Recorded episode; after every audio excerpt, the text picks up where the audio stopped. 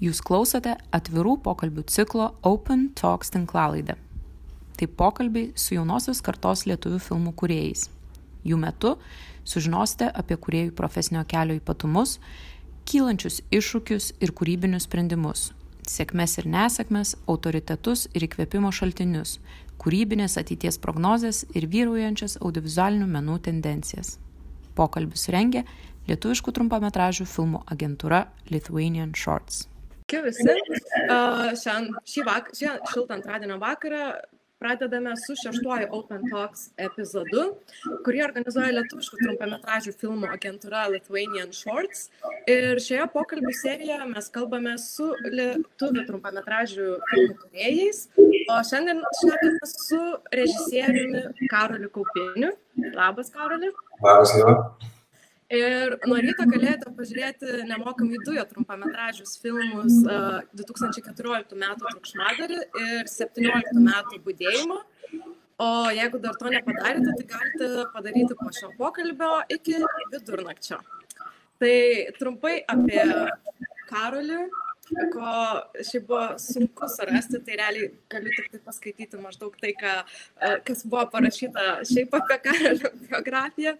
Tai Karolis baigė lyginamosios politikos magistrantūros studijas Vilniaus universitete. TSPMI ir taip pat dirbo naujienų žurnalistų LRT televizijoje, vedė ir kūrė laidą Pasaulio panorama.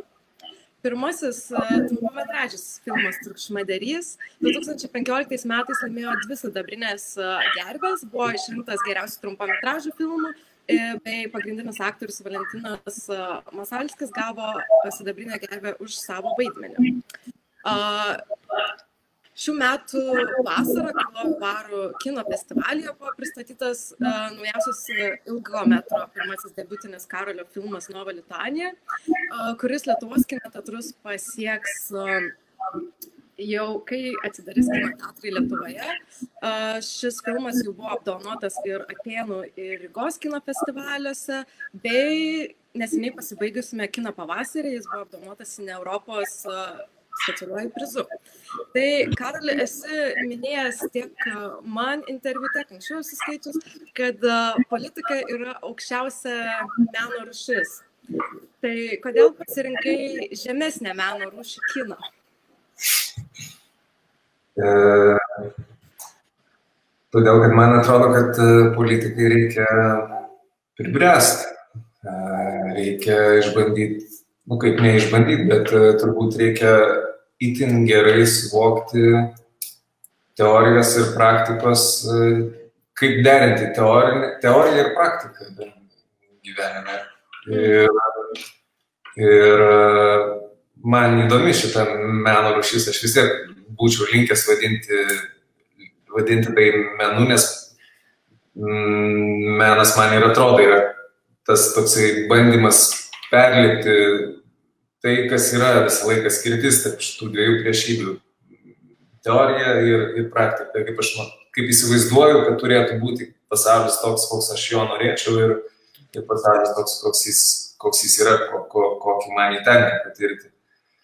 O kinas yra toksai kaip uh, iš tam tikrą prasme tarsi bandymų aikštelė uh, šitos skirties perlipimui nes čia susiduria labai daug viena vertus meno rušių, bet kita vertus tai kinas yra tiesiog lygiai tas pats bandymas suprasti pasaulį toks, koks jis yra, tuo pačiu bandant sukurti jį, kokį tu, kokį tu jo norėtum. Tai, va, tai, tai tiesiog tai įdomiau kol kas ir, ir gal ir prieinamiau prieinamiau ta prasme, kad rezultatas e, šiek tiek turbūt arčiau yra to, kokio tu jo norėtum, negu kad politikoje, kur, kur atsiranda iš vis e, neįtikėtina eibė kintamųjų, kurie paskui nukreipia viską nuo to, kaip tu gal įsivaizdavai, kad viskas e, turėtų būti.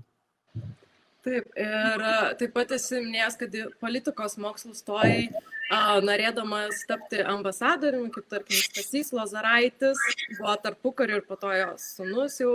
jau. Ar vis dar kartais pagalvoji apie tai, kad gal vis dėlto norėtum sugrįžti į politiką ir galbūt būtų ambasadoriumi, o gal kultūros atašai? tas gal toksai noras būti ambasadorium, tai buvo labai apribotas e, tokių skaitinių kažkokių vėlesnėse klasėse. Tenai e, aš mėgau literatūrą ir, ir kaip taisyklė kažkaip lietuvių literatūroje nedažnai tenka sutikti tą, nu, tokį išeinantį žvilgsnį, platesnį į pasaulį išeinantį, arba žmogų, kuris turėtų šiek tiek tokį už, už valstybės ribų išeinantį akiratį ir kaip tyčia Jurgis Savickis buvo toks žmogus, jisai buvo privalomai literatūros programai, aš tada kažkaip skaičiau daug, man patiko, ką jisai rašė kontekste to viso, kas, kas tenai buvo. Uh, paskui daug skaičiau apie jį ir, ir čia toks buvo gal, nu, romantizmas toks savotiškas. Aš mačiau jo gyvenimą, man paskui jau kita visa ta karta diplomatų tarp karinių buvo kažkuo, kažkuo patraukli, gal tas net kažkiek yra ir, ir, ir, ir pašto figūroje, tai yra, kai, kai kažkaip tame asmenyje viena vertus išsilaiko kažkas labai lokalaus, lokalaus turiuomenį lietuviško, kaip tai be brėžti. Bet kita vertus e, išeina į labai labai tokį platų pasaulį, daug kalbų, daug uh, didelis, uh, didelė erudicija kažkaip tų žmonių, bet tuo pačiu gebėjimas nepamesti savęs iš, iš ten, iš kur tu ateinėjai, kažkoks toksai, toksai ryšys.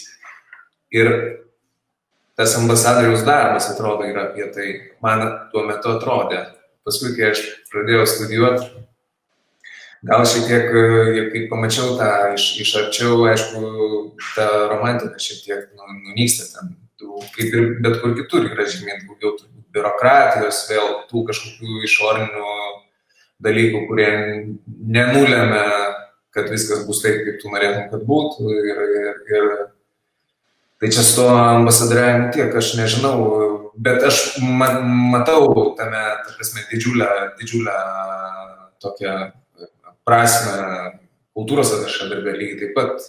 Paskui kažkaip jau visai nepastebimai mano karto žmonės, taigi tie, su kuriais aš mokiausi, ar šiaip su kuo draugavau, dabar jau yra kultūros atašė, dirba ambasadose arba dar kažkur. Tai kažkuria prasme aš vis e, galiu pasitikrinti ten tą pulsą su jais bendraudamas, kaip ten iš tikrųjų ten laukia, kur mm. liko jie, nuo kurio aš pasitraukiau. Ir studijų nu, minėjai, kad dingo tas truputį nuslūgo romantizmas apie ambasadorių, o nenuslūgo romantizmas, kai pradėjai dirbti kine. Nebuvo, kad tikėjai vieno, truputį irgi gavai kažko galbūt kito. Matai, man atrodo, kad kine žymiai, nu, aš turiu padaręs du trumpus metrus ir vieną ilgą metrą, tai laikas, kiek tai užtruko padaryti, yra ilgas, bet, bet tai labai nerutininis procesas. Turbūt daugelį kitų darbų, net kūrybinių darbų, tu žymiai greičiau įeini į rutiną. Mm. Ir televizijoje, pavyzdžiui, tu žymiai greičiau supranti maždaug, aha, nu tai gerai, mano darbo principas reiškia yra toks, aš darau tą, darau tą, darau tą, darau tą. Ir paskui diena po dienos tu supranti, kad nieko naujo tame nebeatsiranda. Tu gali kelt savo, kiek nori kriterijų, kad aš turiu daugiau ir daugiau iškapstyti kažką. Bet yra tikrai sunku būti pavyzdžiui, televizijos operatoriumi, kuris turi kiekvieną dieną važiuoti į vyriausybę, filmuoti dviejų su pusę minučio reportažo ir jį nufilmuoti naujai, kai tu 20 metų darai tą darbą. Ir tai, aišku, nu, pradeda dusinti tą kūrybiškumą kažkokį. O kine, bent jau mano atveju, aš kiekvieną kartą darydamas filmą, tarsi iš naujo bandau savęs paklausti, kas yra, kas man yra kinas, kodėl aš jį darau ir dėl to atrodo, kad tos rutinos niekada neatsiranda, nes aš darydamas visą laiką jaučiuosi tarsi iš naujo daryčiau. Ir dėl to susiduriu su tomis pačiomis problemomis iš naujo, bet kita vertus, gal darydamas vis naują filmą savo pasirašau, ten, kokias aš turiu pamokas nuo praeito filmo ir ką dabar aš noriu kažkaip kitaip padaryti. Ir dėl to dar nesu pajutęs to nuobodulio jausmo. Mm. Ir gal greitai nepajusiu. Nu, tikėkime. Bet paminėjai, kad sukūrėjai du trumpametražius ir vieną ilgametražį. Aš tai nesutikčiau ir sakyčiau, kad yra du ilgametražiai. Tai vienas iš jų karjerą kaip ir pradėjus su savo bakalauro baigiamuoju. Tai jeigu jau taip kalbėt, tai tada yra ir daugiau jų. Yra dar trumpametražas dokumentinis, vadinasi Žilvytis, yra dar, dar, dar misija Sibiras, yra. Tai yra daugiau tų tokių filmavimų, bet aš čia galbūt daugiau apie, nu, tą vaidybinį, vaidybinį kiną, kuriame kažkaip dabar apsi, man jis įdomiausias yra dabar ir, ir dėl to kiekviena turbūt sritis, jinai turi kažkokias savas taisyklės ir, ir ilgai užtrunka suprasti, kaip, kas tai yra, nu, ta prasme, kuo skiriasi, kaip dirbi tu dokumentinėme kine, arba kuo skiriasi kažkoks televizinis darbas nuo netelevizinio darbo. Visai neseniai čia su kitu režisieriumi mes kalbėjom apie potencialų filmą dvi savaitės, tik tai, kad jis dokumentininkas, o, o aš ne. Ir kažkaip užtruko dvi savaitės suprasti, kad galbūt neverta daryti to filmo. Nes labai ilgai užtrunka, ta prasme, įšokti į filmo darimą galima labai greit, būti pagautam tokiu tokio, bet, bet paskui tam, kad atlaikytum tą kiekį laiko, kurį reikės daryti, reikia labai gerai žinoti, man atrodo, kodėl darai. Tai tie pirmi tokie darbai, jie yra visiškai toks, nu, sakyčiau, žinai, vat, eksperimentavimas, aš turiu kamerą, aš kažką galiu su ją padaryti, aš jau dariau e, kiną, bet paskui kažkaip, nu, kai jau tai nebėra, nebekelia didelio entuzijazmo, man aišku, malonu, kai aš ateinu į aikštelę ir kiekvieną kartą pamatau, kai atvažiuoja technika ir tada pasirodo, kad va, kažkas dabar vyks didelio čionai, kai, kai žmonės pradeda iškraudinėti šviesas, kai surinkinėja kamerą, kai, kai dailė ruošiasi, kai aktoriai ruošiasi, tai tada atsiranda kažkoks toksai magiškas elementas, bet, bet e, kai jau ne pirmą kartą tai darai, tada jau tai tampa tarsi norma ir tada jau visai kitų dalykų ieškai. O tuos pirmus kartus, kai darai, tai dar iš viso aš, aš ten, kai dariau tuos baigiamą į darbą, tas PMI, dokumentinį ar, ar ten trumpą dokumentinį žil, apie žilvytį, apie medį, kurį, kurį pjovė mano daugiabučio kieme, e, kai mano dar senelis buvo gyvas, kuris tą medį sodino. Tai tada visai kiti dalykai buvo apie. Tada tiesiog atrodo žavinga, kad pats su kamera gali vat, kažką užfiksuoti, čia pats susimontuoti, čia vieno žmogaus orkestras toksai, bet tuo metu labiausiai svajoja apie tą kažkokią didelę mašiną. Mhm O kai tą didelę mašiną jau supranti, paskui vėl gal ateina atvirkščias toksai procesas. Dėl vėl norėtum, kartais pagalvoju, kad gal iš tikrųjų tas vienas žmogus su viena kamera ir viskas gerai su tuo. Ne, mm. ta prasme, daug, daugiau tokių atsakymų visai gali būti. Taip, nes aš kai žiūrėjau vieną video interviu iš 2013 metų, tai tu minėjai, kad tas baigiamasis buvo klaida, kad buvo klaida daryti baigiamą į kino formą. Jo, aš, gal, aš, aš dar vis mm, pasilaikau tą, tą nuomonę. Klaida tuo, ta prasme, kad vis dėlto, jeigu tai yra, nu aš gal dabar tiesiog rimčiau žiūriu į politikos mokslus uh, kaip tokius. Nu, ta prasme, jeigu vis dėlto, jeigu tu bandai daryti mokslą, tai mokslas turi gana, gana tokias aiškias uh, aiškias taisyklės, kaip, kaip jisai daromas, jeigu jisai nori vadinti save mokslu. Ir tie tokie, gal, sakykime, žaidimai su bakalauriniais, kaip, kaip mano atveju, kai tu turi iš vienos pusės tarsi rašai mokslinį darbą, iš kitos pusės darai filmą, jie vienas kitam prieštarauja, žinai, veikia du skirtingi pusrutuliai, kurių reikia ir tada pradeda trukdyti vienas kitam. Čia kaip, sakykime, tikrovė dažnai trukdo vaidybiniam kinui. Pavyzdžiui, jeigu tu darai e, filmą pagal tikrus faktus, tai dažniausiai tai, kas labiausiai trukdo scenarijui, būna tikri faktai, nes kai tu negali jų pajudinti, jie tarsi įklampina tave. Ta prasme, lygiai tas pats būna, kai, kai tu turi, kai tu kažkaip iš anksto pasisakai, kad savo naudosiu, sakykime, ten žinai, dokumentinę, dokumentinę archyvą būtinai, nes, nes tai bus tikra. Ir paskui tik tai supranti, kad tikrumas yra visai ne, ne tas medžiagos autentiškumas, o, o kaip visumoje tai žiūrisi tikrai. Tai dėl to tas dokumentinis filmas, kuris iš dalies turi atitikti mokslinio darbo principus, su kita vertus, ati, nu, reiškia, paklūsti kino kūrimo principams, jie vienas kitam prieštarauja ir vienas kitam kliudo. Tai aš nesigailiu, kad jį padariau, bet gal, gal tiesiog daryčiau kitaip, gal parašyčiau mokslinį darbą, tada pagal tai padaryčiau atskirai filmą, bet jau. Bet kalbant būtent apie tai, nes aš pasižiūrėjau kaip tik šiandien ryte tą tavo baigiamą ja. darbą ir aš pagalvojau, kad nu, nebuvo tai klaida iš tos pusės, kad tarkim, nu, dabar truputį čia nais nu trumpametražių, prie kurių greit grįšiu. Bet tarkim, tu pradedi savo baigiamą darbą su 38, nu nes 30, nu, smetonos laikotarpiu, kai jis valdo ir ta kvestionuota ta, ta laisvės forma ir tada pereini jau po to į sąjūdžio judėjimą, jau kai lietuvių tada mes vėl iš naujo kalbam apie tą laisvę, tai man kažkaip labai susisiejo su to tavo Nova Lituanija ir vystamų projektų, kur atrodo, kad tu vis tiek kaip ir grįžti prie to, ką tyrinėjai.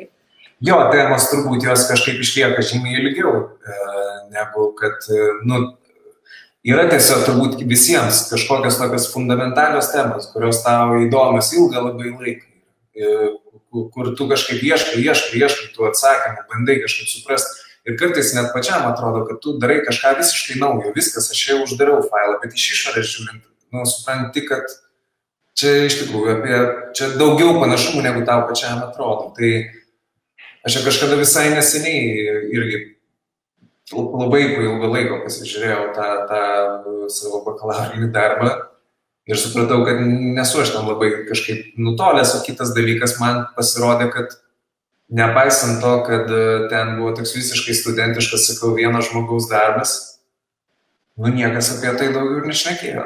Mm, ta prasme, šitą formą.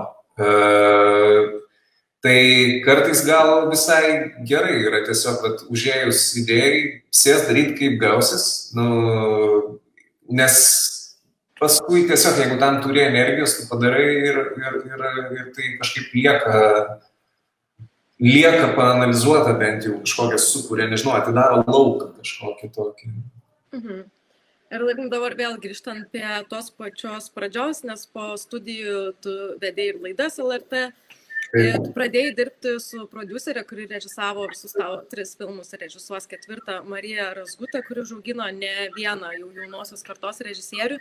Tai kaip uh, prasidėjo tas bendradarbiavimas, kai tu atėjai visai iš kito lauko? Jis labai paprastas buvo, aš tiesiog e, tuo metu buvau parašęs scenarijų jau trumpo metro. E, tas scenarijus buvo atrinktas į tokias scenarijaus dirbtuvės European Short Pitch, kurios e, vyko Luksemburgė.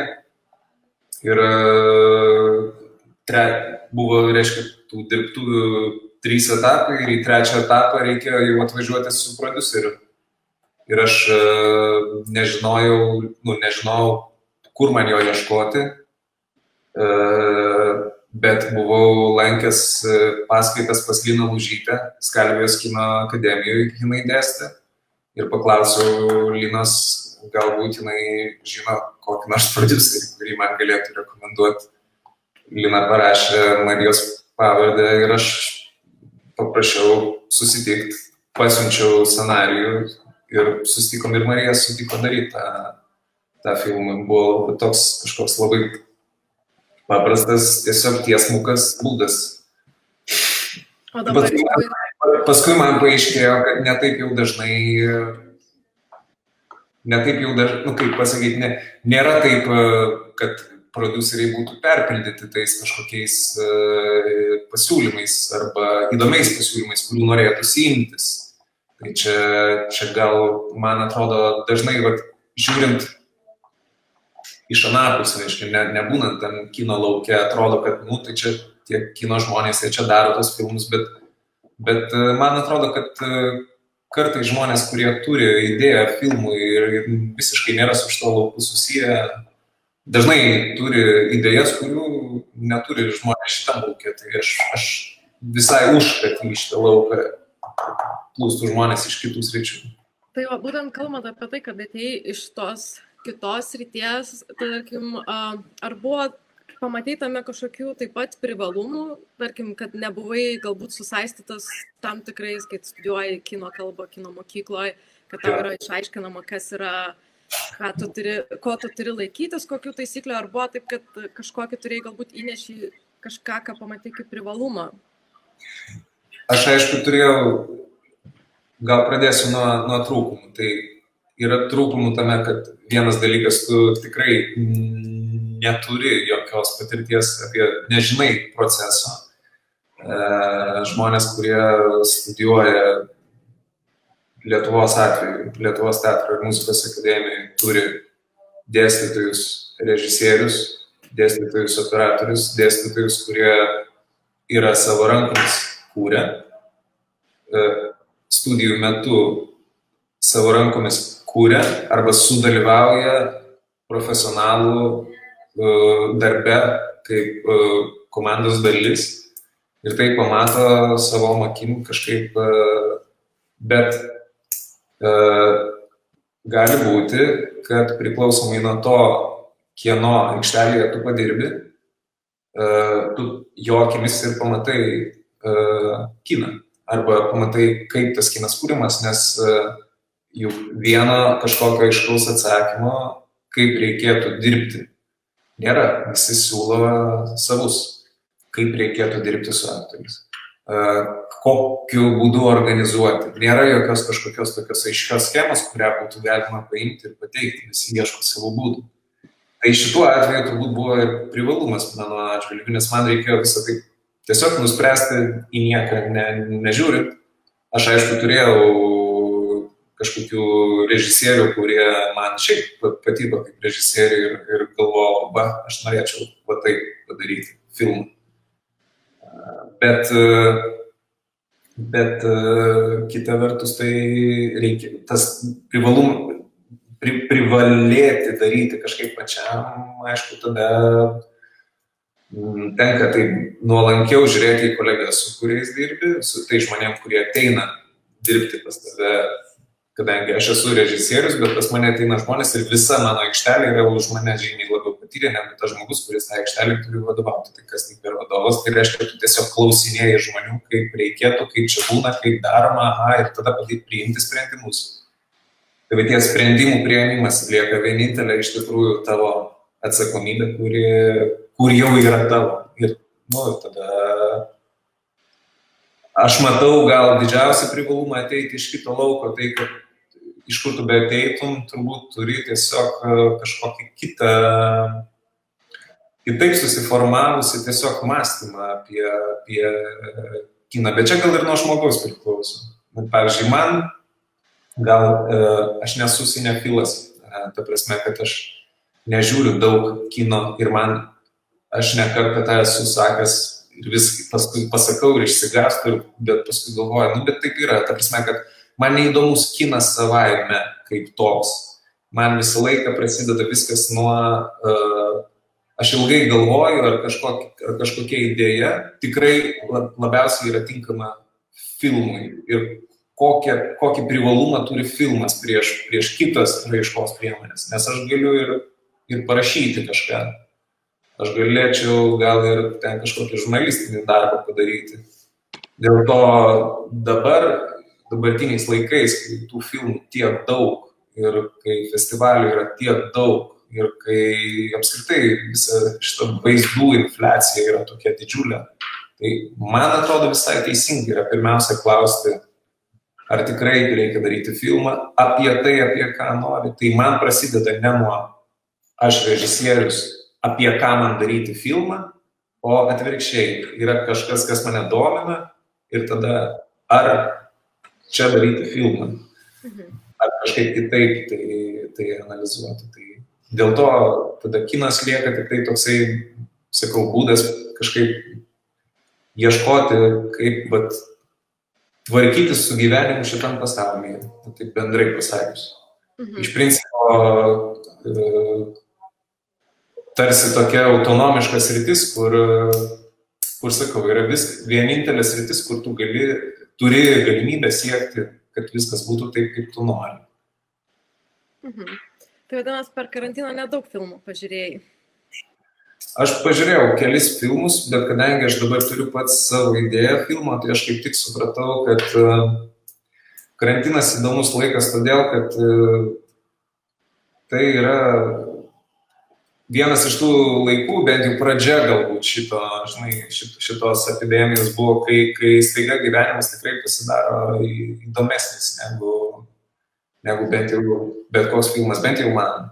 Tiesiog man įdomiau stebėti realybę, e, stebėti, kaip žmonės reaguoja, stebėti, kas vyksta, nes aš suprantu, kad e, fikcionalizuoti to būtų praktiškai neįmanoma be tokio stebėjimo. Va, ir tada dėl to man, man gal įdomiau buvo stebėti, o paskui kažkurio metu aš tada noriu nuo to izoliuotis ir tada daryti, nu, galvoti apie, apie, apie savo. Tai tiesiog taip yra, kadangi, kadangi plius minus pastoviai tu kažką darai, jau savo, esi kažkuriame etape filmo darimo. Tai tuo metu, kai esi kažkuriame etape filmo darimo, stengiasi izoliuotis, nuo aplinkinių įtakų, kad per daug nesuterštų to, ko tu ieškai. O tai į, tame, į tai įeina ir filmų žiūrėjimas. E, kad aš per daug ne, ne, nepradėčiau galvoti, kad o kaip čia fainai padarė, o kaip čia man tas nepatiko, aš taip nedarysiu, o, arba o, žodžiu, kad aš neieškočiau kažkokių tokių, žinai, nesilyginčiau, žodžiu, kad aš daryčiau, ką aš galiu padaryti.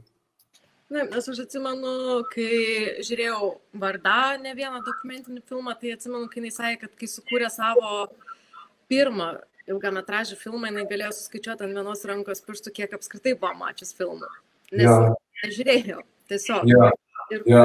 Tai yra režisierių, kurie, pavyzdžiui, kaip tik renkasi nežiūrėti kitų autorių.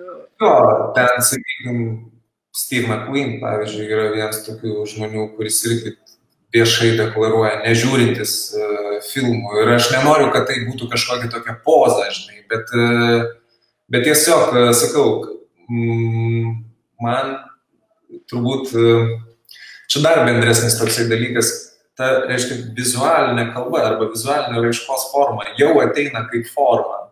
O, o pirmiausia būna kažkaip turinys, scenarijus, mintis, tai reiškia parašytas žodis. Ir kažkokie tokie uh, vizualios asociacijos, kurios va, būna pirminis toksai inspiracijos šaltinis kažkoks. Bet yra žmonių, kuriem, kurie masto labai vizualiai ir, ir kuriem tai yra būdas kalbėti, nes kalbėti žodžiais jie kaip tik nenori arba negali ir, ir visai negali iškomunikuoti dalykų, kuriuos su, e, gali iškomunikuoti vaizdais, žodžiais. Mano atveju gal šiek tiek priešingai, žinai. Dėl ko aš kol kas, jeigu pats į savo filmų žiūriu, aš matau ten per daug plepumo. Aš noriu, tokia, bet mano užduotis yra nusimažinti šiek tiek e, žodžių kiekį Bet paskui e, vėl dabar visai neseniai galvodamas, žinai, žiūrėjau, vat, vienas iš filmų, kurį žiūrėjau per kino pavasarį buvo Kristipųjų dvaras. Mhm. Ir e, gana, sun, gana sunkiai aš jį sužiūrėjau, nes Sierra Nevada tokį patį plepą filmą aš sužiūrėjau su, su malonumu ir galvojau apie, apie, apie scenarijų visą laiką, kaip reiškia žodžiai nėra kliūtis geram filmui dvaro atveju man jie buvo šiek tiek kliūtis, bet dėl, turbūt dėl tos formos, tokia, žinai, dėl, dėl laiko, dėl XIX amžiaus. Bet kažkurioje vietoje trečią valandą jis mane palaužė tas filmas ir aš suprantu, kad tada iš vis atsakymas dar labiau supaprastėja, kad iš principo kinas yra svarbu, net nesvarbu, žodžiai tai ir ne žodžiai, yra tik tai Ar tave įtikina tai, ką tu matai ir viskas? Ar tenai visą laiką žmonės šneka, ar ne? Ar ten yra juodas ekranas, kaip žodis, Zerman, tai snieguoliai. Net jokio skirtumo, tiesiog ar, ar suveikia, ar nesuveikia.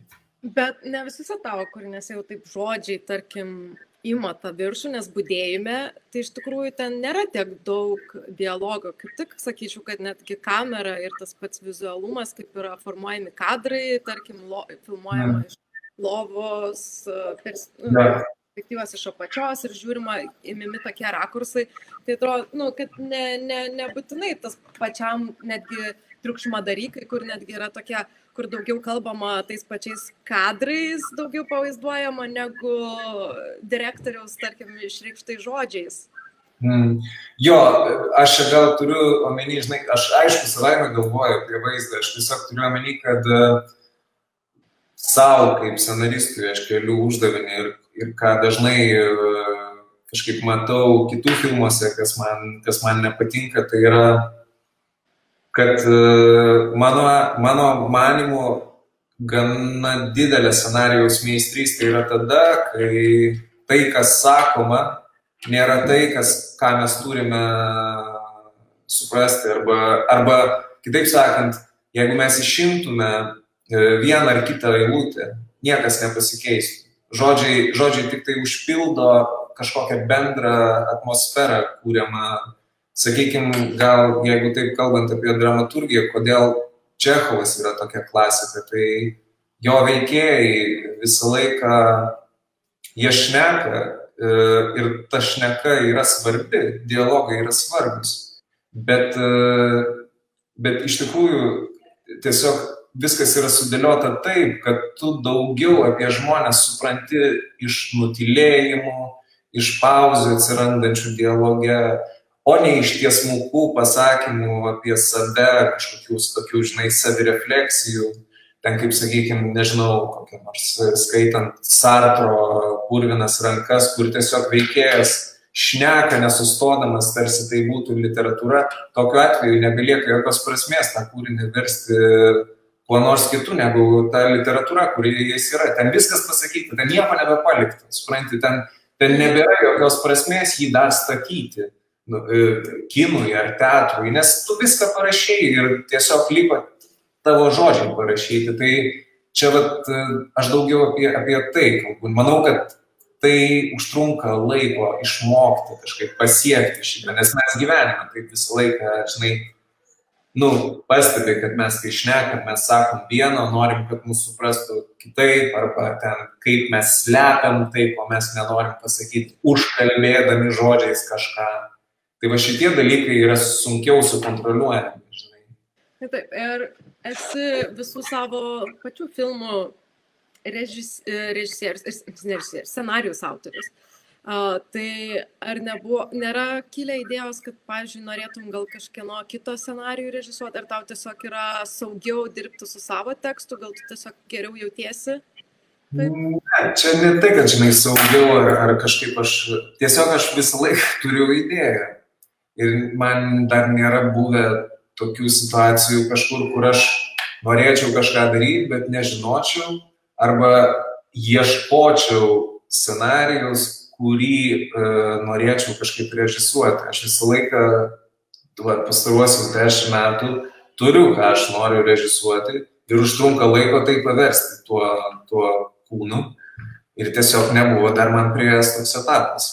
Bet e, tikiuosi kažkaip, kad bus įmanoma gal galbūt norėčiau aš atvirkščiai pabandyti procesą, kur duoti kitam žmogui surežisuoti, ką parašau, arba dalintis rašymu su kažkuo, e, nes tas va, e, dalyba rašymo, rašymo yra, man, man irgi toks atrodo, daug tame užsimesga įdomaus.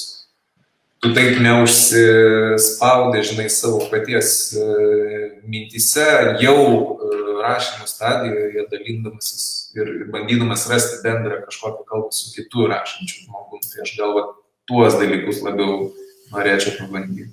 Nes kaip tik žiūrėdama praeitą epizodą su Andriu Blaševičiumi, tai jis sakė, kad Karolis tai yra tas žmogus, kuris sugalvojęs jau yra tris filmus į priekį ir dešimčių metų žino į priekį jau ką darys. Tai Ar po kas per vizijos irgi yra jau dar tų filmų įsiplanuoti? Yra. nu, yra, jo, be, be to, kas dabar vadinasi kas per viziją, dar žiūrėsim, ar tai ir toliau taip vadinsis. Kažkaip irgi čia toksai bruožas, kad aš dažniausiai pasikeičia bent vieną kartą pavadinimas filmo man jį berašant, bet, bet aš turiu dar bent du, tris filmus, kuriuos aš jau noriu rašyti. Tai Tai jo, čia užtenka kol kas dešimčiai metų į priekį maždaug. nebent pagreitės procesas, žinai, bet dabar. Ir, pavyzdžiui, grįžtant prie trukšmodario, kuriame kalbė apie mažo, mažo miestelio mokyklą, kurioje mažėjo mokinių ir ten direkt atvažiuoja kažkas tai pasižiūrėti dėl to skambučio ir visi mokyklai ruošiasi. Ar uh, minėjai, kad uh, idėja kilo perskaičius vieną istoriją apie mokyklą ir naują skambutį, bet man kyla, tarkim, klausimas, tavo abu tėvai yra mokytojai, ar nėra taip, kad kažkiek gal net ir jų pačių istorijos, galbūt kažkokios iš mokyklos, arba jų tas turėjo irgi kažkokios įtakos kalbėti apie mokyklos erdvę? Aš, žinai, pasąmoningai galbūt, bet tiesiog ta istorija, tai uh, jinai buvo mano brolio istorija. Jo mokykloje jinai vyko, uh, kai direktorė sugalvojo, kad reikia suorganizuoti mokytojų susirinkimą ir nuspręsti, kaip, e, kokia melodija turėtų skambėti naujas va, va, tas vakarietiškas, modernus kažkoks skambutis mokykloje. Kadangi mes žinojom tą direktorę, e, tai buvo toksai įdomus žmogus, kuris e, gana smarkiai pasikeitė, taip švelniai sakant, per nepriklausomybės laikotarpį prieš jį jos santykis su, su dominuojančia ideologija galbūt. Mhm. Tai, e, tai savaime, kad tas fonas sukuria tokio absurdo.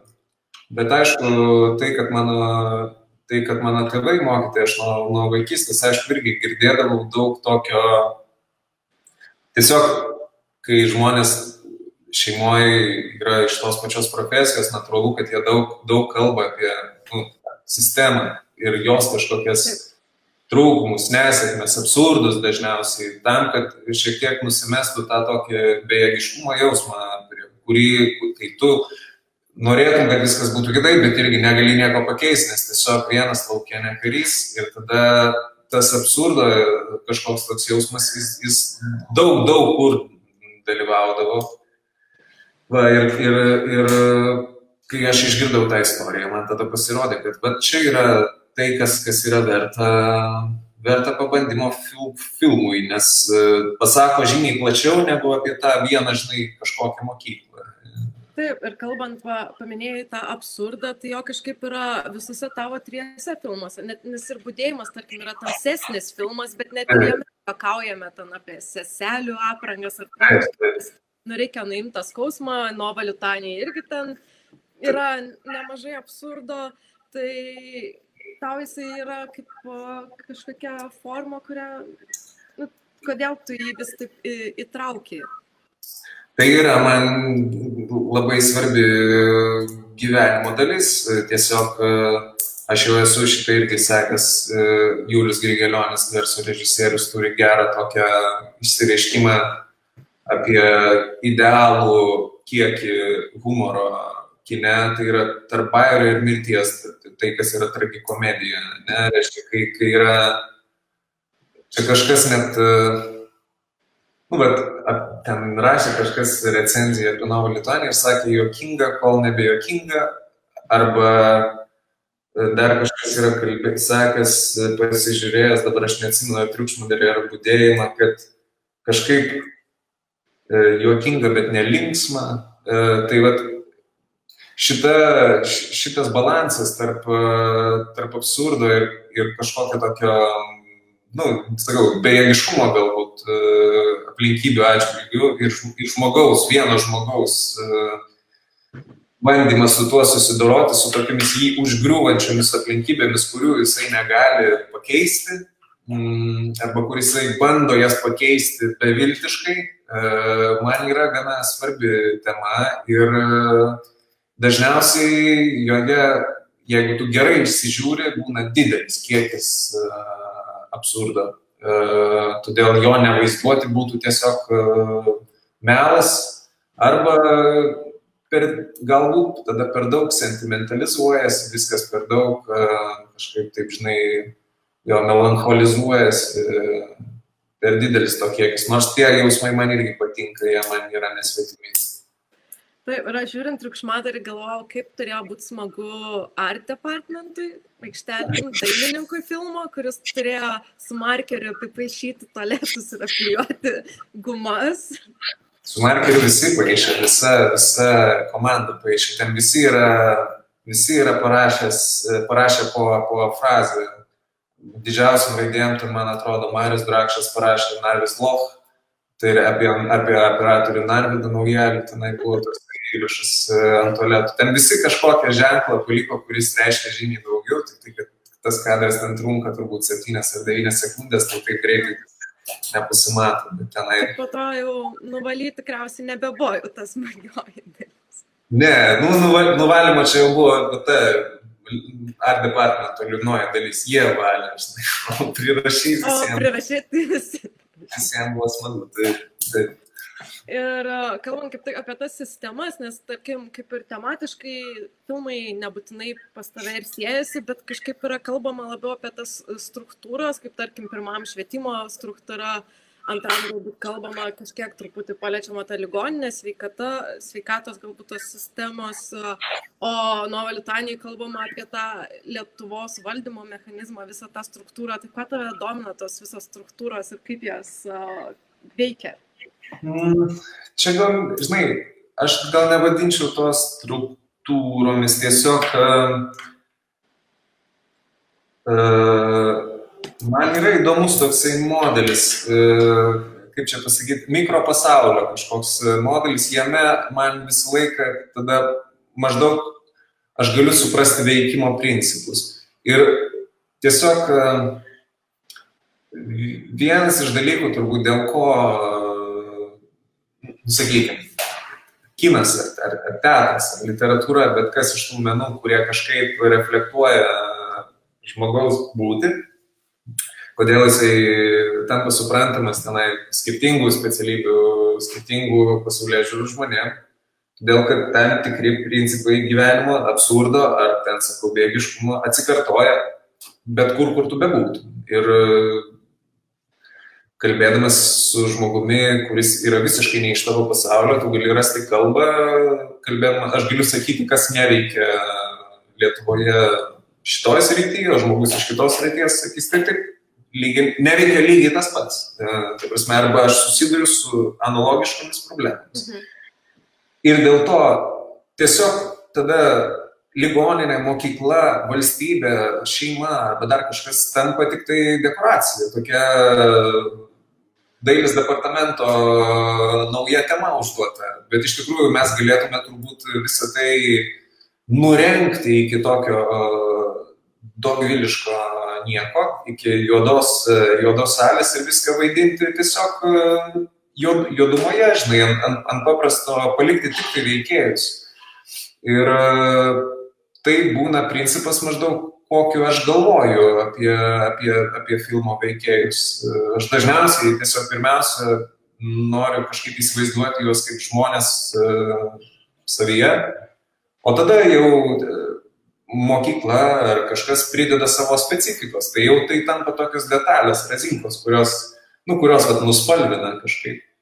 Bet iš tikrųjų mes turbūt tą pačią istoriją, jeigu ją sugebi gerai parašyti, galėtum perkelti į visiškai kitą, į, prasme, triukšmadarys galėtų suveikti, nežinau, gyrininkyjoje kokioje nors, tenai būtų gal kažkokia kita, kita tema, bet viskas, viskas būtų taip pat. Tai dėl to aš ne nuo struktūros prasideda, tiesiog jinai, kai jinai yra aiški, va tokia kažkokia aišk, aiškas aplinkybės, tada aišku maždaug kaip spalvoti. Stengtis susipažinti su tuo. Tai aš užduosiu vieną klausimą apie dekoraciją ir tada yra jau ir iš žiūrovų klausimų. Tai dekoracija yra tas, kad augalai, kurie šiaip taip pasirodo tavo filmuose, tiek e, triukšmadary direktorius siekėsi privežti augalų ir tempė su vežimėliu, net ir būdėjime ligoninėje parodomas augalas, nu ir nuo valitaniai augalai užima tam tikrą didelę erdvę. Tai ir matau fonę pas tave irgi yra augalų, tai kaip su tais augalais? Ar tau jie svarbus? kaip dekoracija kino? Uh, čia gal yra tiesiog tokia, žinai, uh, kaip čia pasakyti, uh, ne, aš neatsimenu dabar, kas čia yra sakęs šitą, bet kad visi filmai yra apie, apie vaikystę tam tikrą prasme.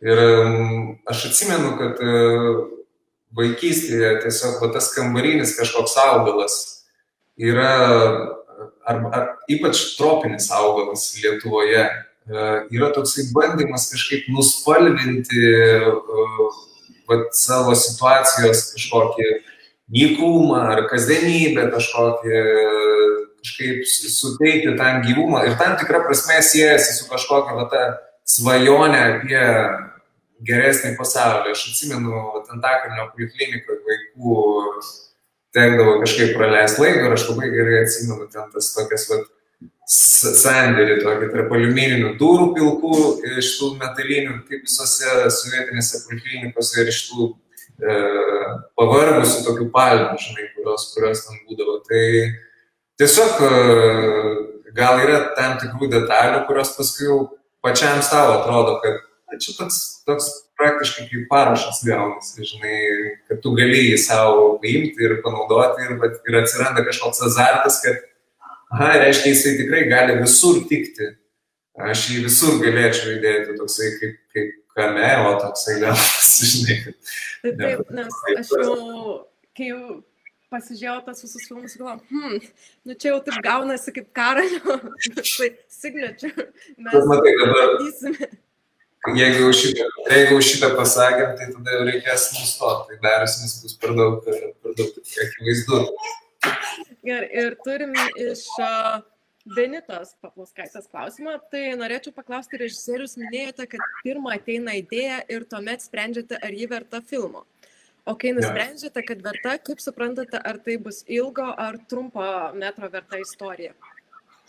Mm, aš sakyčiau, kad kartu ateina tie, kai ateina idėja, tu jau plius minus supranti, kad e, kažką turi pasakyti, kas, kam neužteks e, keliolikos minučių arba kažkam, kas yra kaip tik koncentruota ir, ir turi būti e, neišsiplėsta per daug. Tai manau, kad tos, tos, dvi, tos dvi idėjos, tie du dalykai, jie kartu su, su, su, suveikia. Bet man atrodo, kad trumpas metras niekuo nenusileidžia ilgam metrui, kaip e, kažkoks apsakymas nenusileidžia romanui vien dėl to, kad jis yra trumpas ir, ir, ir, ir nedaug tenai puslapių. Niekada puslapių kiekis ne, nenulėmė kūrinio vertės. Na, tai man netrodo, kad trumpas metras yra, sakykime, kažkokia tokia pradinė stadija, o paskui jau, žinai, verta pereiti į ilgą metrą ir niekada negrįžti. Man patinka, kai režisieriai šokinėja ir po poros ilgų metrų vėl padaro trumpą, nes tiesiog būna tam tinkama mintis ir, ir neverta jos, neverta kiekvieno filmo plėsti iki, iki ilgo metro. Taip, tai reiškia, tu ne kaip Blaževičius, nemanai, kad daugiau nebekursi trumpo metro filmų. Tai gal Andrius irgi, gal Andrius šiandien pasakė, o rytoj matys labai gera, labai gera mintis uh, trumpam metrui ir jis, ir jis padarys. Bet uh, aš gal ne, ne, nebrėšiu tokio, tokio brūkšnio. Tiesiog manau, kad, kad tikrai, tikrai įmanoma daryti trumpą metrą, bet kada, kada tu jį nori padaryti. Taip, ir tada aš kai peržiūrėjau iš naujo filmus, nes buvo, kad uh, triukšmadarį kažkaip gavosi, kad aš per pusę metų gal tris kartus žiūrėjau, nes kur naidavau festivalį, jį vis rodydavo programą ir aš taip, nu, galvoju, nu gerai, dar kartą pasižiūrėsiu. Tada, uh, buvo dabar toksai klausimas, kur uh, šiaip toks kaip ir gal ne į temą, bet uh, norėjau paklausti, ar atsimeni Andrėjaus Tarkovskio filmo Veidrodžio pirmą sceną? Ne, neatsimenu. Bet esi matęs filmą. Esu matęs, esu matęs. Tai dažniausiai, kai būdavo, nes manęs yra paklausus, dės, mūsų yra kursą paklausus viena dėstytoja ir buvo, kad dauguma visi atsimenė tą sceną, kur vyras eina miške, lik moters paklausti, ar turi prisidegti, bet pati pirmoji scena yra, kur vaikas turintis kalbos sutrikimą mokosi kaip, uh, uh, kai užstringa balsas, kad, mokėtus, kad mokytus iš naujo. Tai man tai buvo su tavo triukšmadario pabaiga, kur aš taip žiūrėjau ir baigėsi jau ta scena, kur jau visi gale valgo ir tada aš pamatau, kad dar toliau tęsiasi filmas ir aš taip galvoju, ar čia taip tikrai yra. Tai kaip buvo tas toksai kaip dvi pabaigos atsiraudusios. Aš buvau sugalvojęs, kad visas tas skaičiavimas tęsis pradžioje, e, bet, e, bet paskui kai jau sumontavom tą filmą ir viskas turėjo pasibaigti tą mišrainę, pasirodė, kad jeigu mes išeisim plačiau į miestelį, tada bus kažkoks tarsi pabrėžimas, kad tai nėra apie mokyklą, kad tai yra apie viską. Mm, ir kad tas miestelis yra tiesiog toksai sumažinta, nežinau, tada visos visuomenės, visos valstybės, žinai, kažkokia versija modelis. Ir dėl to man tada pasirodė, kad tas skaičiavimas žymiai labiau tinka pabaigoje negu pradžioje, bet kadangi tiesiog montažiškai e, ne, nesilipdė taip staigiai, tai e, kartais tas juodas, juodas tarpas, kuris šiek tiek, aha, tu žiūrėjai, žiūrėjai, žiūrėjai, sustoji ir dar biškai išpličiau. Nu, tai, tai, tai dėl to buvo toks sprendimas. Nebuvo taip sugalvota iš pirmo scenarijų, bet sakau, tai buvo pirmas filmas aš iš vis nelabai supratau, kas vyks montaže ir kaip tam bus priimami sprendimai.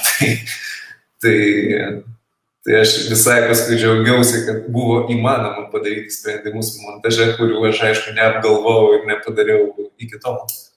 Taip, ir kalbant galbūt dabar iš tos operatorinės pusės, nes pirmam dirbai su Narvidinu Jeliu, antrame su Simonu uh, Glinskiu, kuris uh, kaip tik, kaip ir tu debetuvai su pilnametražiu filmu, tai yra taip, kad jau atradai savo operatorių galbūt? Ir gal jis irgi taip pat dirbs prie sekančio filmo, ar dar nėra numatyta? Ne, aš tokių nedarau niekad kažkaip tokių, kad čia aš atradau savo operatorių, aš manau, kad Lietuvoje jau ko ko operatorių yra tikrai didelis meistriškumas ir, ir kaip tokiai mažai valstybei, man atrodo, operatorinė mokykla yra tikrai, tikrai stipri ir, ir kuo, man atrodo, didelė vertybė režisieriui yra tai, kad operatoriai, bent jau tiek, kiek aš juos pažįstu čia, tuos, kuriuos aš pažįstu, tai yra labai giliai mąstantys žmonės apie kiną Ir kiekvieną kartą, kai tu atsineši kažkokią savo režisūrinę viziją, tu sulauki kažkokių fundamentalių tokių klausimų iš jų pusės, iš žmogaus, kuris pat viską mato vaizdais. E, tai aš sakau, aš ne, ne, neturiu tokio kažkokio, žinai, taško, kad padirbsiu tik su tuo ar su tuo. E, bet e, konkrečiai idėjai kai aš maždaug suprantu, kaip aš ketinu filmuoti, aš, aš maždaug žinau, kaip man reikėtų šnekėti arba kur, kur mes gal rastume bendrą kalbą. Tai kadangi, sakykime, su, su būdėjimu mes susimu buvom jau nemažai išsikalbėję apie, apie tai ir paskui po būdėjimo apie tai, kas ten neveikia ir kaip mes turėtume ką pakeisti. Tai Nova Lituanija buvo puikus uh, puikus laukas, man atrodo, toliau tuos ieškojimus kartu, kartu tęsti, bet e, lygiai taip pat su Narvidu buvo, buvo šaunu dirbti ir juolab, kad, e, sakau, Narvidas mm, žmogus, kuris jau buvo daug ką nufilmavęs ir žymiai daugiau žinojo apie, apie kiną negu aš tuo metu, kai su juo dirbau. Tai čia aš iš jo, aišku, aišku mokiausi. Vadinasi, taip, kai kalbant apie kino kalbos ir kiekvienam, nes vis tiek kiekvienam filme kino kalba yra labai skirtinga.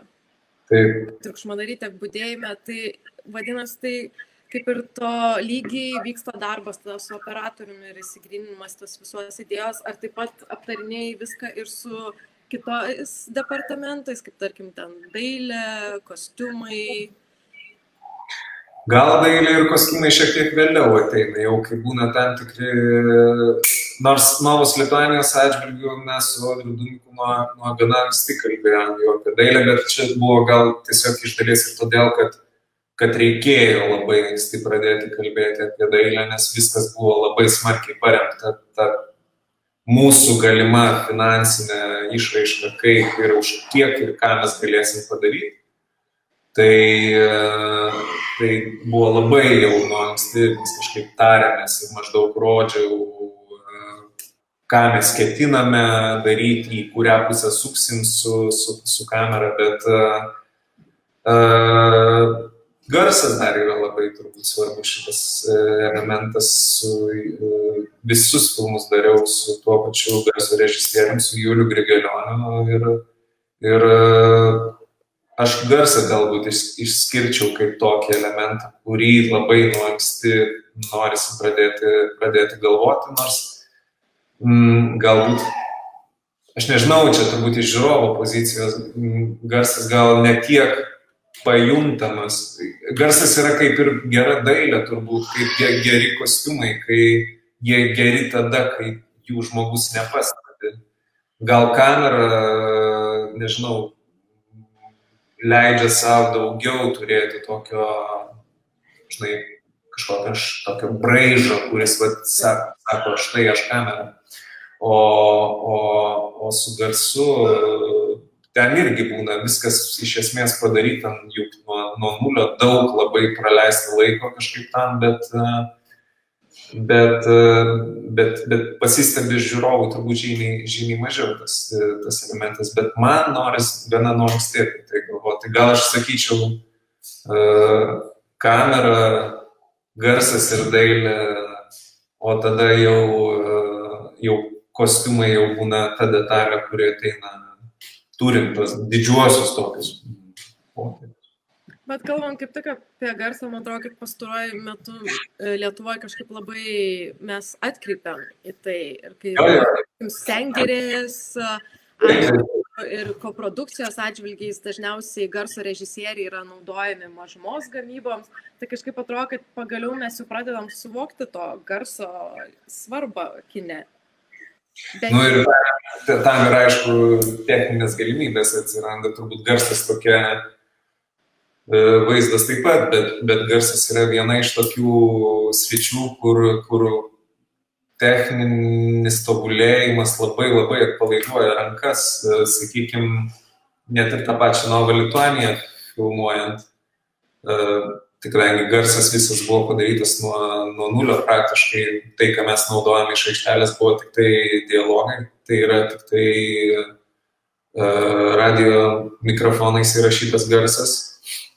Uh, labai nesinorėjo dubliuoti to filmo, nors viskas trukdė uh, naudoti dialogus iš aikštelės. Dėl to, kad uh, nu, mes ieškom, reiškia, lokacijų pagal kažkokius tuos estetinius kriterijus, laikmetinius kriterijus ir tada, kai jau tu turi tinkamą lokaciją, tu nebegali pasirinkti aplinkoje tau ar visą dieną kažkas birbint su pneumatiniu kraštu ar ne. Ir reiškia, jeigu su to pneumatiniu kraštu pastovi varo už sienos, kai tu įrašinėjai dialogą ir tu negali to krašto sustabdyti, tada tik tai garso galimybė kraštą išvalyti uh, gali išgelbėti tavo filmą.